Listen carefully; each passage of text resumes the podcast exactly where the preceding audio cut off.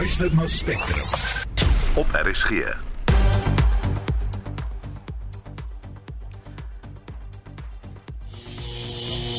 Eskom will continue to adjust the stage of load shedding depending on breakdowns. Die mees bekende gevolg is ons kabelkleptomane. Tydens beerdkrag steel hulle die kabels. Ons het gevra kan hulle nie asseblief hierdie hok sluit nie net om te hoor dis nie hulle departement se verantwoordelikheid nie. Ons hoor hoe gemeenskappe toenemend saam staan teen die sogenaamde kabelkleptomane. En aan die politieke nuusfront is die vordering van die DA-regering in Johannesburg en Pretoria onder die soeklig. Goeiemôre, baie welkom tot 1uur. Die span in die ateljee vandag is redakteur Marlenae Forsie, produksieregisseur Daitrin Godfrey en ek is Marieta Kreer. Daar is geen verkeer. Goeiemiddag, ek is Annelien Moses met jou verkeersnuus. Ons begin in Gauteng, daar is padwerk op die R21 Noord na Olifantsfonteinweg en twee bane is gesluit. In KwaZulu-Natal is daar padwerk op die N2 Suid na die EB Kloetewisselaar en die regterbaan is versper. En in Kaapstad is daar ook padwerk op die N2 stad uit na Robert Sobukwe weg en die linkerbaan is versper. As jy enige verkeersnuus het, stuur 'n SMS na 45889 en dit sal jou R1.50 kos.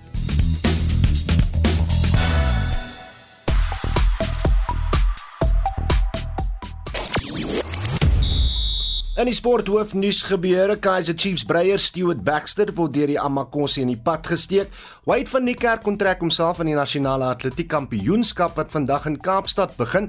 Vanaand is alle oë op Caster Semenya gefestig in haar poging om die 5000 meter finaal te gebruik om te kwalifiseer vir die wêreldkampioenskap. En soos ek gister berig het, is dit nou amptelik dat tennisspelers van Rusland en Belarus verbân sal word by hierdie jaar se Wimbledon toernooi. Die nommer 1 hitsmerk op Twitter is Stewart Baxter. Dit na berigte dat die Kaizer Chiefs afrigter in die pad gesteek is. Dan word die Chiefs se hulpafrigter Arthur Zwane se naam genoem as 'n moontlike plaasvervanger vir Baxter. Saterdag is Wêreldboeke en Kopieregdag. Koop en lees jy nog boeke of verkies jy om dit elektronies te lees? Wanneer laas was jy in 'n biblioteek? Of dalk het jy nog 'n uitstaande boek wat jy moet terugneem. Ons wil vandag graag jou opinie hoor. Ons wil graag hoor of jy nog boeke lees. Stuur gerus 'n SMS na 45889. Dit is oor rand 50 per SMS.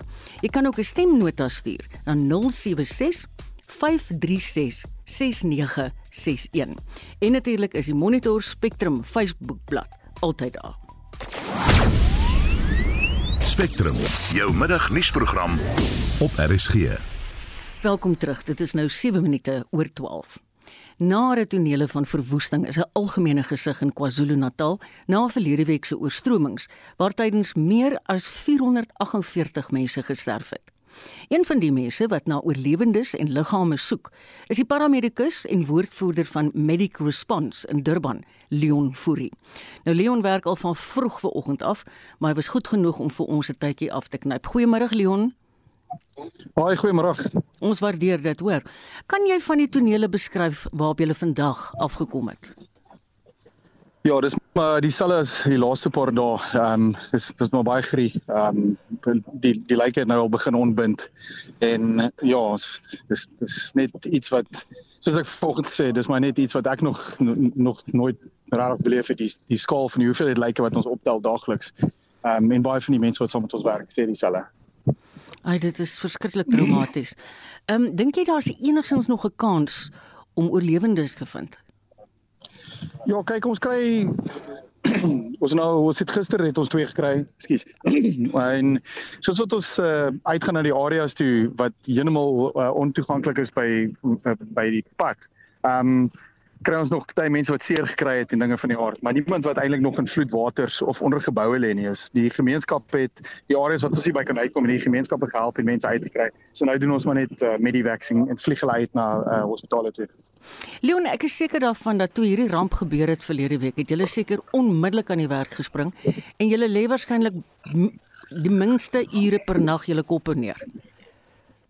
Ja, ehm um, kyk, ons het almal dadelik bymekaar gekom, al die verskillende eenhede. uh, met die response Metro Police Search and Rescue, SOP Search and Rescue en weet ons was die ons was dadelik ontbied en die dae daarna het het almal net begin saamwerk en ja, slaap is maar slaap is iets wat ons nie baie baie kry nie en dan dink erger is dit is ons die water is af in meeste areas so ons uh, mm. ons kan nie regtig in die aande stort nie ons. Jo. Maar emmertjie waar ons kan. Ja, dis baie sleg, né? Nee. Ehm um, werk julle 24 uur per dag? Dis dis dis reg juffrou. Ons sit uh, die Joint Operation Center ehm um, hardloop in die in in die oggende en in die aande word ons op op bystand gesit vir enige reddings. Ja. Ehm ja. um, maar dis dit wat ons doen is in die aande gaan soek ons nie verlyk nie want dit is dit is ja. donker en is ook mm. maar gevaarlik. So mm, mm. die risk factor is te hoog. Leon, jy het nou ons vertel, ek meen onbinde lyke en dinge soos dit en jy word daagliks daarmee gekonfronteer. Ek meen met al jou sintuie ja, want ek ja. meen ek aanvaar dit ryk ook nou al. Kry paramedici soos julle darm berading vir hierdie trauma en hartseer. Kyk ons het beraders hierso wat ehm um, as jy ons wil kan praat met hulle na die tyd dan gaan praat hulle. Ehm um, ons het ons het ongelukkig het ons uh twee van ons spanlede verloor, Boesie en Lia, ehm um, wat verdrink het in 'n rivier wat hulle gesoek het En ja, ons sal die, die mense gaan praat met hulle. Ehm um, maar meer is dit ons is ons is 'n baie tight familie die rescue community en ons praat maar so tussen mekaar en ons ja, hmm. ons hou mekaar maar se geeste hoog. My Leon, ons waardeer ontsettend wat julle doen. Sê asseblief vir jou kollegas. Dit was 'n paramedikus en woordvoerder van Medic Response in Durban, Leon Fourie. Jy luister na Spectrum. Elke week saterdag tussen 12 en 1. Die DA-leier John Steenhuisen het vandag die Tshwane stadsrede bygewoon. Die stand van sake is vandag in Tshwane en ook in Johannesburg se metro gelewer. Ons gaan net nou met hom daaroor gesels. Hy staan nog beset op sy telefoon. Maar in die tussentyd het ons een van ons ander ou getroue vriende, die politieke ontleder aan die Noordwes Universiteit se Sakeskool, Theo Venter. Hallo Theo. Goeiemôre Marietta. Ek moet sê ek is daarom nou al 'n bietjie weg by die sakeskool. Ehm um, well, ekskuus, jy is nou, nou- onafhanklik. Ek onthou. Ek is nou op my ek is nog my eie en dis wonderlik. Hoor dit jy? ek wens ek kon dit nou al gesê het, weet jy? Regtig wel. Maar baie geluk uh, okay. daarmee en ek ons gebruik jou steeds nog baie. Ek wil graag vir jou vra. Ek het ver oggend gekyk na die televisie uitsending van ehm um, Palazzi hier in Johannesburg wat sy voorgestel het vir Johannesburg. Wat dink jy is nodig om dienslewering te verbeter? Ons praat hier spesifiek van die metros. Ja. Daar is 8 daar is 8 van hulle in Suid-Afrika en in Bloemfontein het heeltemal uitmekaar geval en is tans onder onder reddingsaksie van die regering. Die ander 3, ehm um, naamlik Kaapstad, ehm um, Johannesburg, Pretoria of Tshwane, ehm um, doen nie sleg op die oomblik nie. Durban weet ons nou is deur geweldige trauma eintlik al van verlede jaar se se onluste af maar met die geweldige reëns en die verspoelings en dit bring my uit by wat eintlik op die op die twee moet gebeur Johannesburg en veral Tshwane. Ons weet ons het drie groot diensleweringsvraagstukke. Die eerste een is water. Dis die bestuur van water, die beskikbaarheid van water en alles wat daarmee saamgaan. Die tweede een is natuurlik elektrisiteit en die mate waartoe die metros kan help om elektrisiteit beter te bestuur, beter aan te wend en veral in die gevalle van Johannesburg en tot 'n mate Swane ook die bestuur van elektrisiteit, naamlik rekenings en alles wat daarmee saamgaan en dan infrastruktuur, want die water en die elektrisiteit en al hierdie faktore het natuurlik die infra infrastruktuur laat lei daaronder en uh, as ek spesifiek aan Swane dink die ander een waar daar so 'n uh, eh, voordrag vandag is gaan dit oor dele van van Swane wat uh, dolomities is en sinkgate val in vanweë die baie water en ook die swak bestuur van water. Lekke in pype veroorsaak hierdie gate wat inval Jy weet wat vir my so ironies was, ek weet nou nie of jy 'n populasie vanoggend gesien het nie. Maar die ironie ironiese beeld wat sy skep van hulle gaan nou al hierdie stelsels regmaak. Ons gaan eenvoudig nie probleme hê met krag nie, want hulle gaan vir City Power help met onafhanklike bronne. Ek en jy weet hoe lyk die strate van Johannesburg. Dis morsig. Die gras groei hoog. Daar's geen aandag gegee aan netheid nie. En ek sien die burgemeester staan daar en sy's besonder spoggerig aangetrek het so 'n ja, groot hoed ja. op wat heen en weer beweeg. En ek dink net, weet jy, ek weet hoe lyk die plakkerskampe in ons uh informele nedersettings. Is dit die prentjie wat 'n mens wil oordra terwyl 'n stad so swaar kry? Jy weet die vraag wat jy my vra het in hom ingebou 'n groot klomp sinisme en dit is iets wat ons reg deur die land op die oomblik kry. Dit is asof mense eenvoudig hulle vertroue in politici verloor het op grond van dit wat politici wel kan doen aan die een kant en aan die ander kant hoe politici hulle self gedra. Ehm um, uh jy ry in 'n duur motor as dit nie regtig nodig is om so duur kar te ry nie. Die die die motors loop uh, met met uh, leiwagte en dies meer terwyl hulle lewens nie regtig bedreig word nie. Dit is ek dink daar moet 'n kentering kom in hoe politici hulle self gedra voor mense as hulle wil hê mense moet hulle weer ernstig opneem, maar jy is heeltemal reg. Die um, politici het baie keer ek dink byvoorbeeld ook aan die staatsrede en aan die begroting. Jy weet terwyl ons land ehm um, geweldig baie skuld en swaar dra aan sy skuld, trek die politici aan asof hulle uit Vanity Fair uitgeval het mm, of watter mm. tydskrif mens ook al wil wil wil noem. En, en ek dink net nie ehm um, dit is op hierdie stadium nodig nie. Wat wat ek vir die politici sê en wat ek vir mense sê wanneer ek baie keer genooi word om te praat is Suid-Afrika het op die oomblik nodig dat ons fokus op die dinge wat verkeerd is en dat ons die ideologiese antwoorde want dit wat politici gee is grens aan wensdenkery.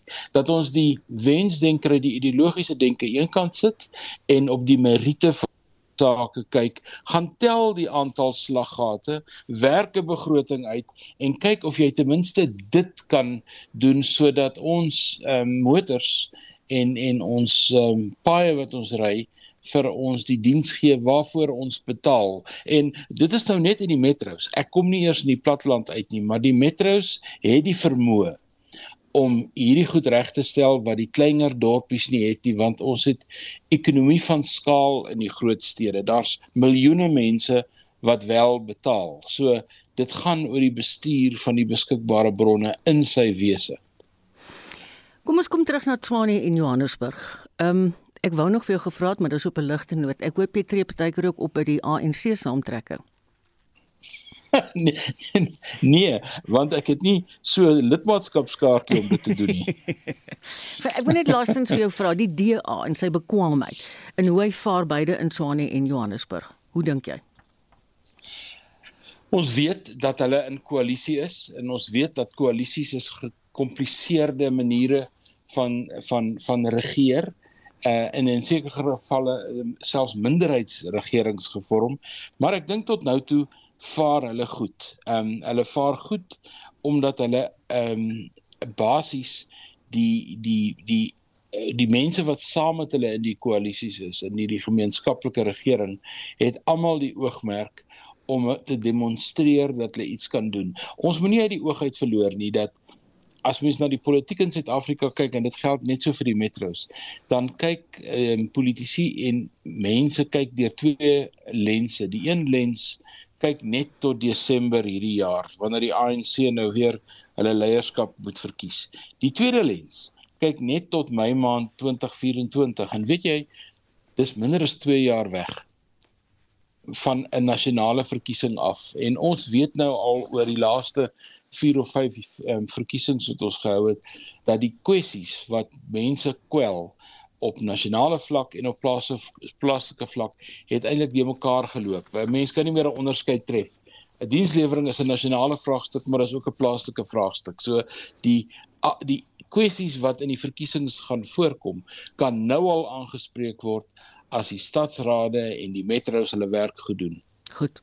Baie dankie te jou die onafhanklike politieke ontleder, Theo Venter. Ja, ek moet sê dit is maar baie metros dink ek op die oomblik 'n probleem. 'n Ander groot probleem wat ons op die oomblik het, is kragonderbrekings en beurtkrag. Eskom sê beurtkrag sal moontlik môre tot fase 2 verlaag word en sal waarskynlik teen die naweek opgeskort word.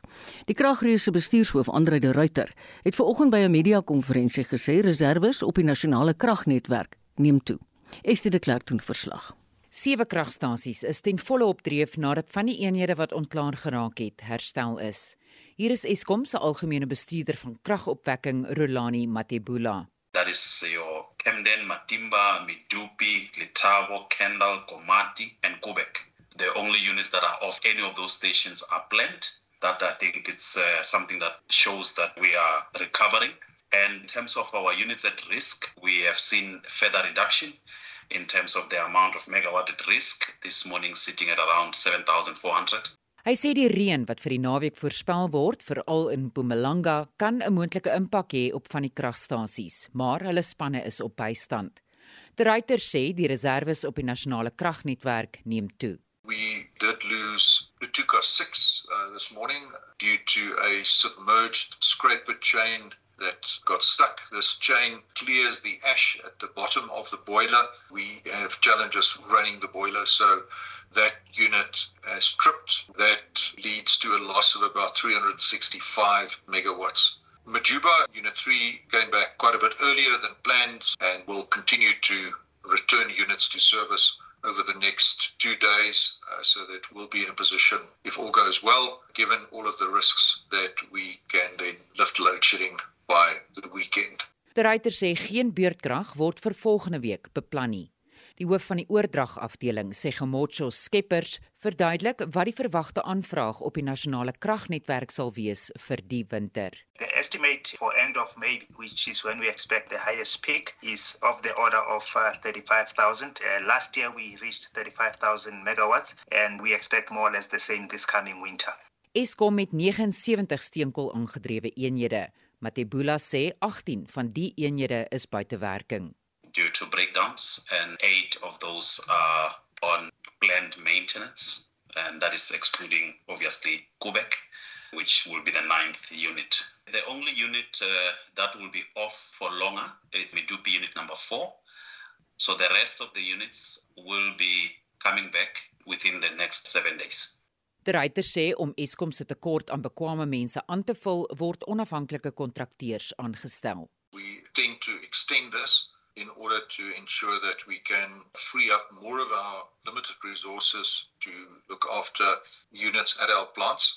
The strategy is currently under development and being consulted on with our partners in organized labor, so I don't want to elaborate on it too much, except to say that what we are looking at really is to bring in original equipment manufacturers to look at engineering and maintenance, not so much operations and maintenance. So there's a distinction, obviously, between those two. ESCOM would still be responsible for operating those power stations. In die laaste finansiële jaar het Eskom net minder as 7 miljard rand spandeer aan diesel by sy eie kragstasies en 3,5 miljard rand by onafhanklike kragstasies. Ek is Estie de Klerk vir SAK nuus. Intussen het Joan Marie Verhoef by Corneels Skabot, 'n senior dosent in chemiese en mineraal ingenieurswese aan die Noordwes Universiteit gaan uitvind wat die kans vir 'n totale ineenstorting van die kragnetwerk is.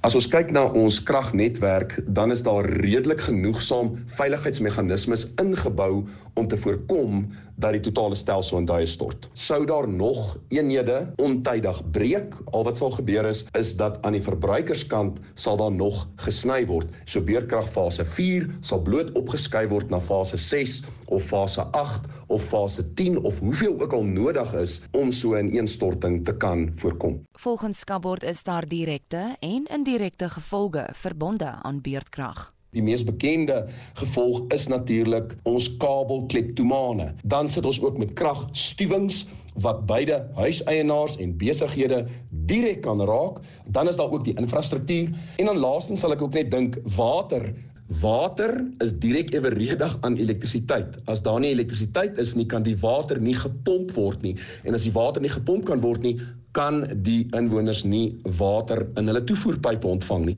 En wat die wêreldstandaard van steenkoolstasies betref, sê hy Eskom laat veel te wense. Ons is ten minste wat Eskom se opwekking betref 10% onder dit wat Eskom vir hulle self as 'n teiken stel en 15% onder dit wat die geïntegreerde hulpbronplan voorvra. Nou as ons ook kyk na daai selfde grafieke, dan sien ons dat daar 'n stelselmatige toename is in die persentasie onbeplande instandhouding. Hiermee saam die volgende waarskuwing As mens kyk na Eskom se eie data, sit ons tans met om en by 28% onbeplande instandhouding. Dit is een van die hoogste syfers tot op hede. En dit bewys maar net weer eens wat ons almal weet. Die stelsel is oud. En Eskom het dit self erken vanoggend en ander derryter het ook gesê dit raak al hoe moeiliker vir Eskom om vir ons as verbruikers te kan kommunikeer wanneer presies beurtkrag ingestel gaan word. Dink ons almal moet weet dat dinge baie radikaal kan verander en gevolglik moet ons dien ooreenkomstig aanpas daarbey. Dit was Corneel Skabord van die NWU. Ek is Joan Marie Verhoef vir SAK nuus. Dis nou juis hierdie sogenaamde kabelkleptomane waarna Corneels verwys het wat heelwat amok maak Hier is een luisteraar se ervaring. Ons moes later aan elektriesien uitkry om te kom kyk hoekom sekere dele van ons eiendom krag het en sekere dele nie om net uit te vind dat buite in die straat waar die elektriese boks is nooit gesluit is nie en tydens beurtkrag kom die mense blykbaar en dan steel hulle die kabels. Ons het gisteraand genadiglik baie laat die munisipaliteit uitgekry om daardie kabels te kom vervang. Ons het ook gevra maar kan hulle nie asseblief hierdie boks sluit nie net om te hoor dis nie hulle departement se verantwoordelikheid om daardie bokse te sluit nie. So hulle kan moontlik weer daardie kabels kom steel volgende oomblik as dit weer beerdkrag is. Wel, dis nie die enigste voorval waarvan ons bewus is nie in Johannesburg en ander gebiede span gemeenskappe saam om kragbokse te beveilig. Spectrum volg op met stede soos Johannesburg, die stadsraad daar, en ons hoop om binnekort meer antwoorde van hulle te kry en hopelik kan hulle dan vir ons verduidelik waarom dinge is soos wat dit is. Verskeie gemeenskappe begin intussen self intree om hierdie kragbokse of elektrisiteitskaste teen kabeldiewe te beveilig. Professor Erwin Schwella, die dekaan van die skool vir sosiale innovasie aan die Huguenot College, sluit nou by ons aan. Goeiemôre Erwin. Goeiemôre Marieta, goeiemôre luisteraars. Wie se plig is dit regtig om hierdie bokse in die gemeenskappe te beveilig? Ja, dit is geleë by Eskom wat die die kragopwekkers en verspreiders is of by die munisipaliteite en dan nou beide. Die dit is dis deel van die verdelingsstelsel of die distribusiestelsel wat uiteindelik dan nou die krag versprei binne woongebiede en daar is maar dieselfde probleme wat ons oral het met sekuriteit en onderhoud ehm um, as gevolg van falende plaaslike regering en mm. falende staatsinstellings. Nou, maar as gemeenskappe nou self iets aan die situasie wil doen, is daar enige gevare hieraan verbonde? Sou hulle byvoorbeeld 'n vermeende kabeldief teekom? Ons moet nou eerstens kyk na uh, die inskatting en die bestuur van risiko's. Uh dis 'n dis 'n daar's 'n groter gevaar daaraan verbonde waarskynlik as jy vir 'n hele aantal dae aan die krag het. En ons weet mos nou dat daar is in elk geval inherente gevare in ons swak regeringsstelsels. So die implikasie is die gemeenskap is besig om te sê dat ons het in elk geval 'n risiko en ons moet besluit gaan ons nou optree en dan mag die gevaar wees dat ons uh, sê net maar gesien word as 'n vigilante groep of op 'n of ander manier inmeng met die wetstoepassingsbeamptes wat nie hulle werk doen nie. Dit is 'n kleiner gevaar as wanneer ons vir weke lank nie elektrisiteit gaan hê nie. En dit is maar weer 'n aanduiding van hierdie sistemiese stel kwessies wat wat vereis dat mense self moet begin doen. En dit wil vir my lyk en ons beplan 'n konferensie daaroor in Desember dat gemeenskappe tree meer en meer in om hulle self teen die risiko's van 'n uh, skynbaar falende plaaslike regerings en 'n falende staat uh, te beskerm. Kan munisipaliteite optree teen mense wat selfs hekke en slotte op hulle eie kragbokse aanbring? Dit is 'n interessante vraag want dit is eintlik natuurlik die die die die die die kraginstallasie is op munisipale grond. Met ander woorde, dit word eintlik is die veronderstelling die munisipaliteit beheer dit, maar hulle beheer dit nie. En ons weet nou dat daar burgerlike ingrepe is, gemeenskappe wat dan nou met baie goeie gesindheid optree om hulle infrastruktuur ehm um, te beskerm. Die munisipaliteite, dit hang af van van van hoe hulle ingesteldheid is. Ons weet van gevalle in Suid-Afrika waar mense wat op alles uitpaadjies en baie naby aan hulle eie grond is goed probeer doen dit en die munisipaliteit het 'n soort moedswilligheid dan opgetree teen hulle. En dan is daar gevalle waar munisipaliteite sê ons waardeer hierdie gesindheid mm. en ek dink dit sluit weer aan by die punt ons sal 'n gesprek moet hê oor hoe ons hierdie goed reël want ehm um, dit is net sodat die gemeenskappe meer sal moet doen vir hulle self. Ehm um, en dit is ook sodat die munisipaliteite eintlik baie meer hulle verantwoordelikhede moet nakom, maar ons sal 'n gesprek hieroor moet hê en dis jammer as munisipaliteite uit moedswil uit gemeenskappe keer om mm. hulself te beskerm en self dienste te lewer aan hulle self. Baie dankie Erwin, dit was dekaan van die skool vir sosiale innovasie aan die Huguenot College, professor Erwin Schwella. Op die kop half 1. Soos ons vroeër genoem het, die DA leier John Steenhuisen het vandag die Tshwane stadsrede bygewoon.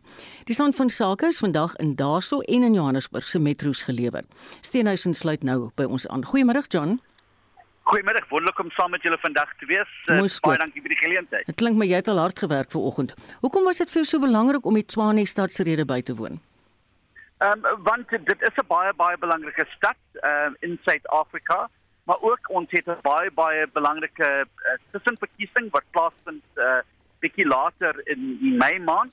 Uh en dit ek dink dit was ook baie belangrik om om ons lede hier te ondersteun in hierdie baie baie belangrike toespraak van die burgemeester uh, waar hy sy planne uitgesit het vir die voorkomende jaar en uh, en en sy prioriteite uitgesit en ek dink uh, ek was baie baie opgewonde by die uh, dinge wat hy gesê het en ek dink dat die mense van Tshwane kan opgewonde wees oor die planne wat die stad het om seker te maak dat ons kan op dienslewering fokus. Mm uh, in die voorkomende jare. John, jy weet tog Tshwane en Johannesburg loop sleg deur onder kabeldiefstal, swak infrastruktuur, swak dienslewering en boonop finansiële probleme. Hoe gaan julle kiesers se ondersteuning behou onder hierdie omstandighede? Want ons ons uh, probeer nou om stabiliteit in al twee van hierdie belangrike munisipaliteite te bring uh, met die koalisie regerings wat nou uh, daar in in regering is en seker te maak dat ons fokus op die basiese dienste wat 'n munisipaliteit moet regkry.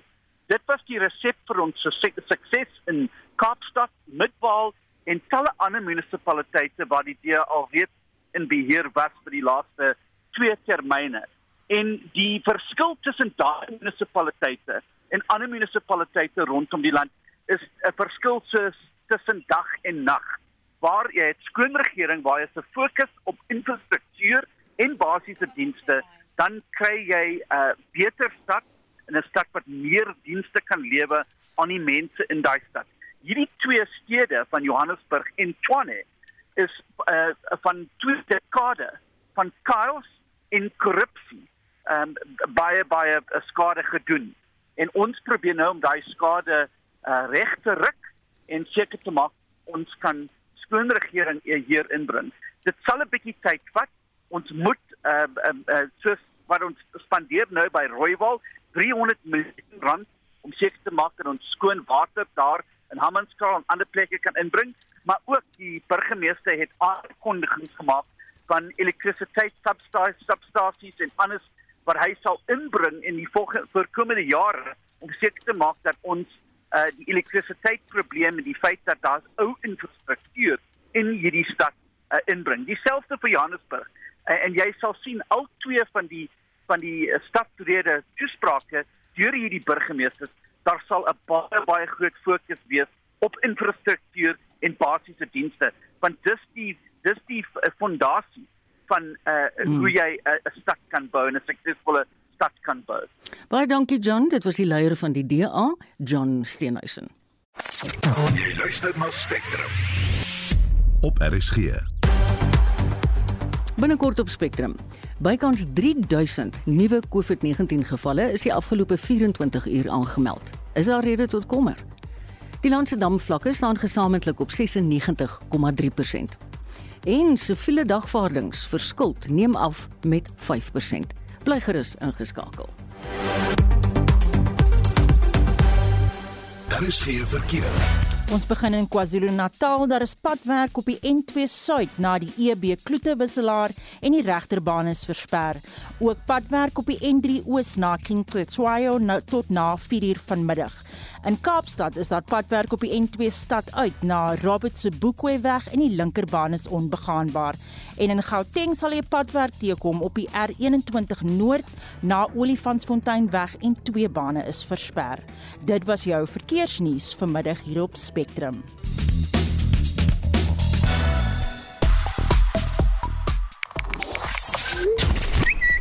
Op Twitter mor mense nog steeds oor Eskom. Die kragvoorsiener sê intussen dat beerdkrag moontlik môre na fase 2 afgeskaal sal word.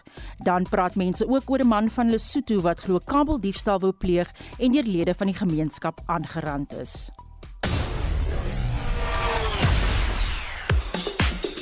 Atletiek, kriket en tennis is op Spectrum se sportspyskaart. Hallo Oudo. Uh, middag Marieta.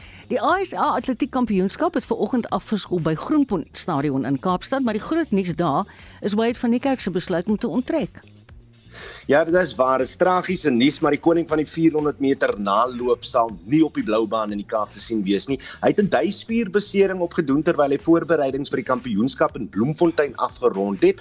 Uh hy sou natuurlik uh, by hierdie kampioenskap net by sy 200 meter titelverdediging uh verdedigingspoging uh, uh, uh, uh gehardloop het en is ook ingeskryf vir die 100 meter naloop. Is ook nie die enigste skok van die dag nie, want die vroue 100 meter uitdinne het vanoggend plaasgevind, maar sonder die uitblinker Viwe Jinkwe wat Suid-Afrika se vinnigste onder 18 atleet ooit is. Ek het by haar afrigter Paul Gorries vanoggend 'n uh, bietjie gaan hoor net wat die storie is en blykbaar het sy net so bietjie ongemak in haar duispier gevoel en die twee het besluit om liewer nie hmm. enige kansse te vat nie van dan se wêreldkampioenskap wat uh, later in die jaar voorlê. Maar kom ek vertel jou 'n storie van die dag se grootste drama Mariette sover mm. het in die uitdinne van die mans 110 meter hekkies plaasgevind waar die nasionale rekordhouer Antonio Alcana derde geëindig het in sy wedloop en dis nie vir die volgende ronde gekwalifiseer het nie. Mm. Toe besef die baanbeamptes dat hulle die 6ste stel hekkies eintlik op die verkeerde plek geplaas het oh, en toe moes die wedloop vir 'n tweede keer gehardloop word. Alkana wen toe die uitdinne in 'n tyd van 13.64 sekondes en is nou nog goed op dreef vir die finaal. Dis ontreurig.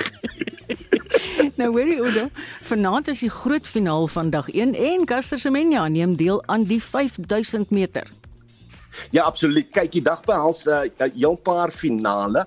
Uh 2 uur begin die vroue hoogspring finaal. Dit vind uh net so soos ek sê net na 2 plaas. Op op 3 uur uh vind die vroue paalspring finaal plaas, maar die een soos jy nou gesê het want ons almal 'n oogie op hou, is die vroue 5000 meter finaal waar alle oopkaster se mense sal wees. As sy hom in 15 minute en 10 sekondes of minder kan aflê, dan kwalifiseer sy nou vir die wêreldkampioenskap wat later vanjaar in Oregon in die VSA plaasvind. Die dames uh, sal so nou, om en by 25 minute voor 5 vanaand op die baan te sien wees. Dis goed jy sê. Ek sien die cricketwêreld het ons eie Lisel Lee vereer. Ja, die bekende Wisdom publikasie het ons aanvangskolwer vereer. Sy het met die titel van die voorste vroue kriketspeler ter wêreld weggeloop mm. nadat sy verlede jaar ook as eendagspeler van 2021 aangewys is deur die internasionale kriketraad. Suid-Afrika se kaptein wat die onlangse wêreldbeker misgeloop het weens besering, Danai van Niekerk, is ook op 'n lys van die top 5 spelers vir die afgelope jaar, maar dit was meer vir haar rol as kaptein van die Oval Invincibles wat met die Louere weggeloop het uh, in die 100 toernooi wat verlede jaar in Engeland vir die heel eerste keer aangebied is. Goed, wat tennis betref, die All England Lawn Tennis Club het sy besluit oor tennisspelers van Rusland en Belarus bekend gemaak. Ja, soos ek gister berig het, is die besluit nou amptelik vanoggend geneem en, en, en afgekondig na die Britse regering geraadpleeg is uh, wat die klub wel tydens die aankondiging gekommunikeer het, is dat die verbanning ook in die belang van die veiligheid van spelers en hul families gedoen is. So Wimbledon sal hierdie jaar onder andere sy nommer 2 manspeler Daniel Medvedev en die vierde gekeerde vroue speler Arina Sabalenka van Belarus kwyt wees. En dan Marieta Marieta net voor ek uh, afsluit, uh, wil ek net sê, um al die bespiegeling oor Stuart Baxter, die breier van uh, Kaizer Chiefs. Daar's nou uh, uiteindelik uh, nuus dat hy op uh, in die pad gesteek is. Toe hy laas breier was van die span in 2015, het hy self afskeid geneem van Amakosi na hy hulle begelei het na twee liga titels. Hierdie keer is dinge bietjie anders. Die span se tans in 4de plek op die punteleer met net 11 oorwinnings en 9 Nederland 26 wedstryde. Daar bly nog 7 rondes in die DStv Premierskap oor en die span sal blykbaar voortans deur Baxter se assistente Afzwani en Dylan Shepherd afgerig word. Baie dankie Oudo. Oudo klink altyd so opgewonde oor die sport. Oudo Karelse, hy hou ons op hoogte van die sportnuus. Spectrum, jou middagnuusprogram op RSG. Ons stoom voort met Spectrum. Dit is 18 minute voor 1. COVID-19 gevalle is besig om weer toe te neem. Sowat 2800 nuwe gevalle is die afgelope 24 uur aangemeld en daar is op die oomblik 16100 aktiewe gevalle. Die meerderheid positiewe gevalle kom in Gauteng voor. Nie verbasend nie. Ons praat nou hier oor met Dr. Angelique Kutse van Solidariteit Dokters Netwerk. Goeiemôre Angelique. Goeiemiddag en 'n goeiemiddag aan al jou luisteraars daar buite. Ons hoor jou lekker duidelik. Is hierdie moontlik die begin van die 5de vlaag en watter variante kom jy meeste voor? OK, dis 'n goeie vraag, Marietta. Nee, dit is nog nie die begin van die 5de vlaag nie. Hierdie is nog alles Omicron en sy subvariante. Die die moeder Omicron is bietjie minder ehm um, uh uh uh prominent op hierdie stadium, meer die subvariante, maar dit val nog almal onder Omicron uh interessant genoeg is ehm um, daar jy weet ons het nou 'n klomp navrae al gehad van mense wat baie bekommerd is oor die subvariante maar die kliniese beeld wat ons sien is presies dieselfde as Omicron verskil in ehm um, met miskien 'n polspoed of 'n uh, hoë koors wat die pasiënt kan hê wat die gewone Omicron nie het nie maar die siekte verloop presies dieselfde. So hierdie is nog alles deel van die vierde vlak wat nou sulke ah. sulke op ehm um, mm uh uh jy weet opwarmings uh prosesse so 'n bietjie deurgaan en ehm um, ek dink dit het ook baie te doen met die feit dat uh mense nie hulle maskers nou meer dra nie en ja. dat daar beter uh, weet ja. onbeperkte toegang is tot sekere goed sonder om jou aan sekere reëls te steur en so ons het ver, verwag hierdie dat dit moet gebeur. Jy weet dit is nou net wat ek vir jou wou vra Angelique want ek dink mense tree 'n klein bietjie meer laks op nadat die regering die nasionale ramptoestand opgehef het. Jy's maar net dit is waar wat jy daar sê. Ek dink klein bietjie laks is amper onder uh, onder speling van wat daar besig is om te gebeur. Jy weet, uh, dit voel asof mense heeltemal vergeet het dat daar uh, virale goed daar buitekant is wat wat eintlik nog steeds vir ons kan siek maak. Die ander ding wat mense ook vergeet en ek ek is so bly dat ons hieroor praat. Ons sien dat die natuurlike immuniteit en of gevaksinneer of net gevaksinneer uh mense wat met anderwoorde delta en enige van die vorige variante gehad het en mense wat nie volledig gevaksinneer is nie um of gevaksinneer is tot en met hierso September Oktober maand is weer um vatbaar nou vir Omicron want die die die die die um gewone antiliggame hou omtrent so 6 tot 8 maande en dit is presies wat ons sien. So baie van hierdie Omicron uh, wat ons nou sien is ook mense wat soos ek sê reeds gevaksinneer was voor die 9de hmm. maand of daai so mense moenie dink ek is gevaksinereer of ek het voorheen al ehm uh, delta of een van die ander gehad en daarom gaan ek nie nou siek word nie. Uh dis 'n mite. Goed. Baie dankie. Dit was dokter Angelique Kutse van die Solidariteit Dokters Netwerk. Met die wydverspreide reën wat die afgelope tyd oor groot dele van die land uitgesak het, is damvlakke vanjaar hoër in vergelyking met dieselfde tyd verlede jaar. Bianca Olifant berig. Die woordvoerder van die departement van water en sanitasie, Sputnik Kratau sê, die land se gemiddelde damvlakke staan op 96.3%. Remember last year at this time we were about 11% lower at 85.5. So it is a very good average. We have just risen slightly from 95 from last week. So the heavy rains that are now falling, and I think this is our the period when we have most of our rainfall. We should by the end of April, which is the end of the summer rainfall season. The chances are that we will be much higher than where we are, especially with regards to the inland provinces. Ratau sê waterbeperking sal dus nie nou ingestel word nie, maar dat dele van KwaZulu-Natal watertekorte ondervind weens die onlangse oorstromings. Because of some areas that might be still having challenges. Obviously, there are areas in KwaZulu-Natal that have been affected by the floods. Some of those floods have affected water supply. So, for instance, in the city of eThekwini, I know they have already put out a schedule that looks at how they will ration water around the city in the different wards and, and so on in order to be able to spread the availability across. Until the two uh, water treatment works under Umgeni are back to full uh, operation. Hy verduidelik hoekom die sluise van die Hazelmeer dam in die noorde van KwaZulu-Natal oopgetrek is. Hazelmeer dam is still under construction to raise the dam wall so that we can raise the capacity of the dam. So in the meantime while that work is continuing we cannot have the dam at 100%. So we manage it at a certain level that allows the work to continue.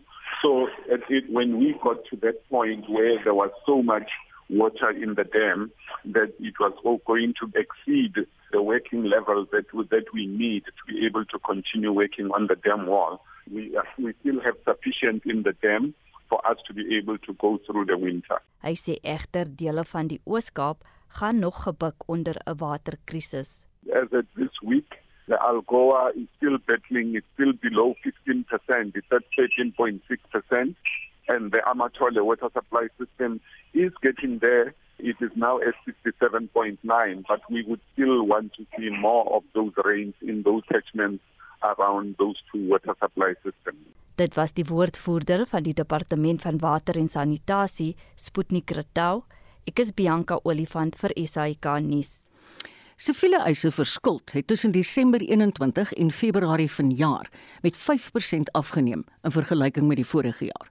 Die aantal skuldigbevindings het met 7,4% in dieselfde tydperk toegeneem. Statistiek Suid-Afrika het die inligting kort voordat Spectrum begin uitsaai het bekend gemaak. Ons praat nou met die ekonom Ulrich Huber. Hallo Ulrich. Goeiemôre Marita. Hoekom dink jy was daar 'n afname in siviele eise vir skuld? Weet jy, ek dink as mense want want hierdie syfer wat jy nou gekwoteer het is vir die periode Desember tot Februarie, so dis 3 maande. Uh maar ek dink dit sê vir ons tog dat die ekonomie se effens beter is as wat hy 'n jaar gelede was. En mense moet onthou dat aan die begin van verlede jaar in hierdie periode Desember tot Februarie het ons nog onder inperkings uh, gestaan. Ehm um, so die ekonomie kon nie aan die gang kom nie En as jy mens nou gaan kyk dan wil mense sê ja, goed, hier was nou darm 'n bietjie uh, meer lewe in die ekonomie en daarom moet ek dat die aantal van dagvaardigings afgeneem het. Ehm um, maar nou die aantal fondse het eintlik weer toegeneem met 7,4% wat vir jou sê Mm, miskien mm. Uh, is daar nog groter aktiwiteite wat die uh, regspleging aanbetref ja. aan die gang. Mm. Hoe hoog is Suid-Afrika se skuldvlakke in die stadium?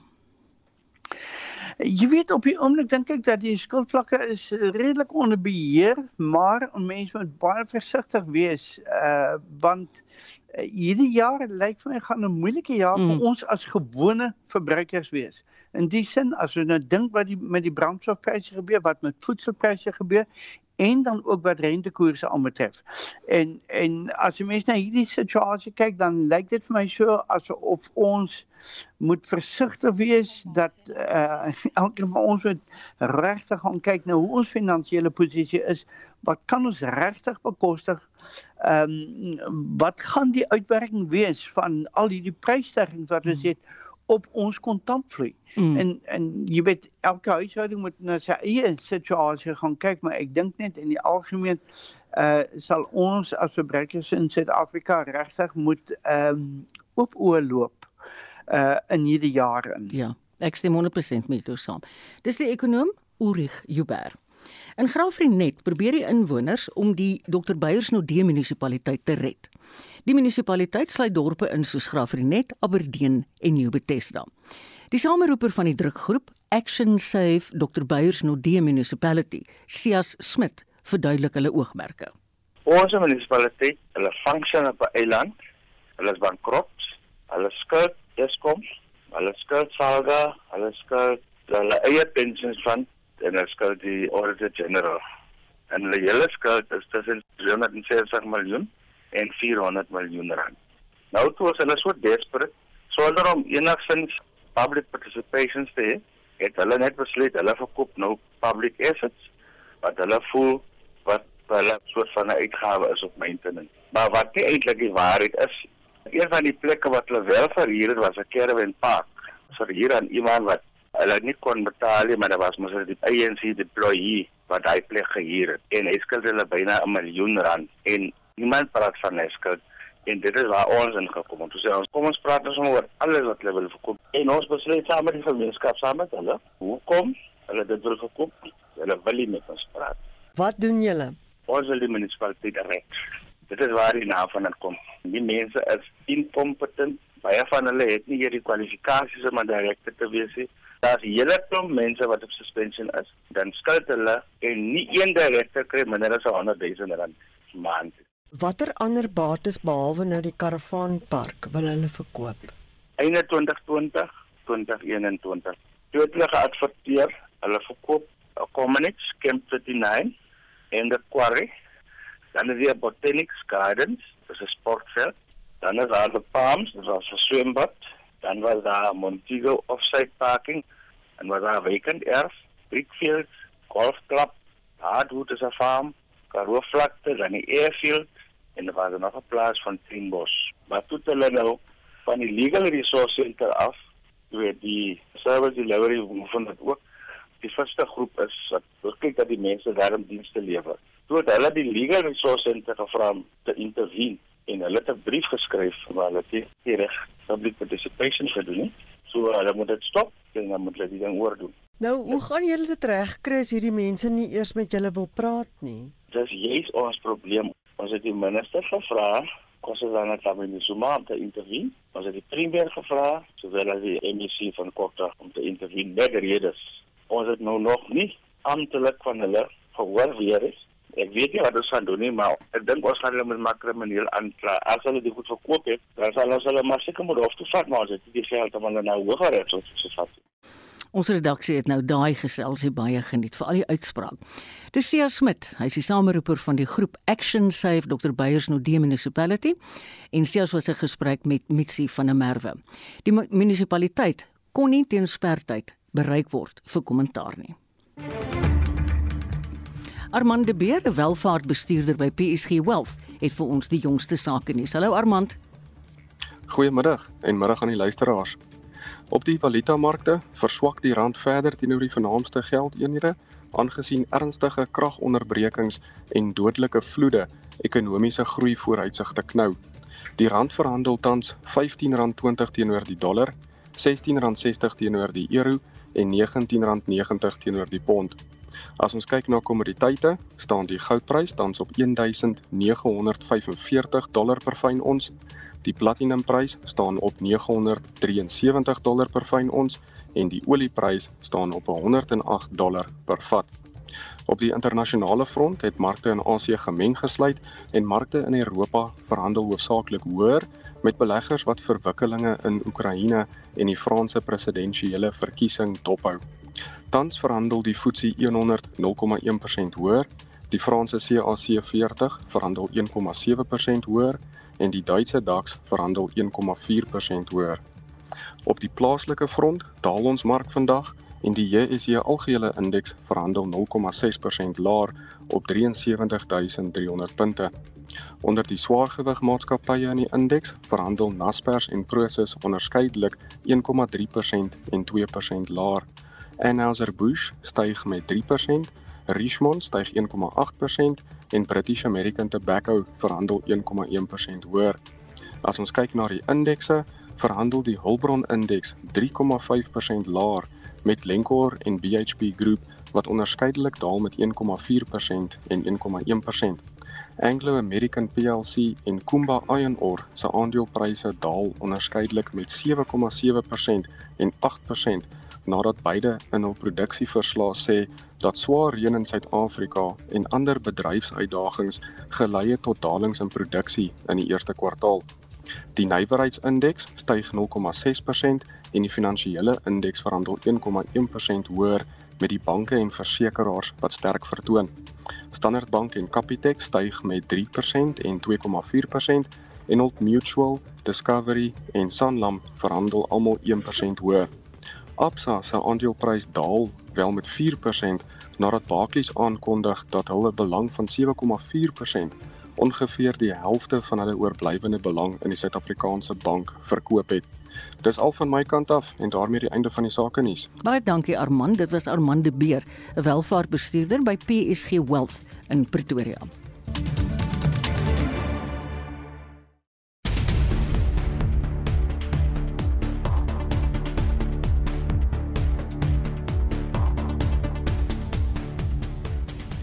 Estie gee nou vir ons 'n opsomming van die nuus en ander stories van die dag. Hallo Estie.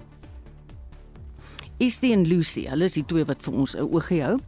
Hulle albei se van is De Klerk. Eh, as jy nog nie gehoor het wat die storie is nie, dis haar klein Jack Russell wat saam met haar onder die duvet sit en langs haar sit terwyl sy met die mikrofoon opneem by die huis. Dit is vir veiligheidsredes wat haar fisieke betref. En daai klein hondjie blaf nie, doen net mooi niks. Sy sit doodstil langs haar ma, maar sy help haar uitsaai. Is dit jy en Lucy nou daar? Marita, ja, ek lag nou vreeslik vir jou. Maar dis die waarheid, dis my so wonderlike storie. Geef ons tog 'n opsomming asseblief, Estiman. Marita noodwerkers en paramedici die afgelope week rou tonele in KwaZulu-Natal aanskou na die oorstromings wat die lewens van meer as 440 mense geëis het. Leon Fourie, 'n paramedikus en woordvoerder van Medic Response in Durban, is een van die mense wat na oorlewendes soek en hy sê twee van sy spanlede het verdrink. Ons het vroeër in Spectrum met hom gepraat is nog baie grie. Die lyke het nou al begin ontbind en is maar net iets wat ek nog nog nooit regtig beleef het die die skaal van die hoeveelheid lyke wat ons optel daagliks. Men baie van die mense wat saam met ons werk sê dieselfde. Soos wat ons uitgaan na die areas toe wat heeltemal ontoeganklik is by die pad, kry ons nog baie mense wat seer gekry het en dinge van die aard, maar niemand wat eintlik nog in vloedwaters of onder geboue lê nie. Is die gemeenskap het die areas wat ons nie by kan uitkom en die gemeenskappe gehelp die mense uit te kry. President Ramaphosa sou vandag die vloedgetuieerde Port St Johns in die Oos-Kaap besoek het, maar sy besoek is tot môre uitgestel. Eskom sê as alles goed verloop, sal beerdkrag môre afgeskaal word tot fase 2 en teen die naweek opgeskort word. Dan die DA burgemeesters van Johannesburg en Tshwane Metro's het vanoggend hulle onderskeie staatsredes ek bedoel stadsredes gelewer. Beide metro's loop deur onder diensleweringprobleme. Ons het die politieke ontleder Theo Venter gepols oor wat die uitdagings in die stede is. Ons weet ons het drie groot diensleweringvraagstukke. Die eerste een is water. Dis die bestuur van water, die beskikbaarheid van water en alles wat daarmee saamgaan. Die tweede een is elektrisiteit en die mate waartoe die metro's kan help om elektrisiteit beter te bestuur, beter aan te wend en veral in die gevalle van Johannesburg en tot 'n mate Tshwane ook die bestuur van elektrisiteit, naamlik rekenings en alles wat daarmee saamgaan en dan infrastruktuur. COVID-19 gevalle is besig om toe te neem. Daar's op die oomblik meer as 16000 aktiewe gevalle waarvan die meeste in Gauteng voorkom. Dr Angelique Kutse van die Solidariteit Doktersnetwerk sê die meeste COVID-gevalle is weens die Omicron variante. En in Monitor môreoggend berig ons oor FNB se jongste eiendomsmakelaarspeiling. Die nuwe wysigings van die poskantoor wetgewing is vir openbare kommentaar gepubliseer en Blind SA se hofsaak oor die kopieregwysiging word volgende maand in die konstitusionele hof aangehoor. En onthou ook om in te skakel vir 'n samevatting van jou dag se nuus op Brandpunt om kwart voor 6. Dankie Estie, sy het 'n oorsig gegee van die dag se nuus. Tyd vir my om te groet. Namens uitvoerende regisseur Nicoline de Wee, redakteur vandag Marlenae Forsie, produksieregisseur Daitron Godfrey en ons praat weer 3 uur vanmiddag verder. Ek skuif nou oor Kaap toe, want die 1 uur nuus kom van die 360 span af. Geniet dit.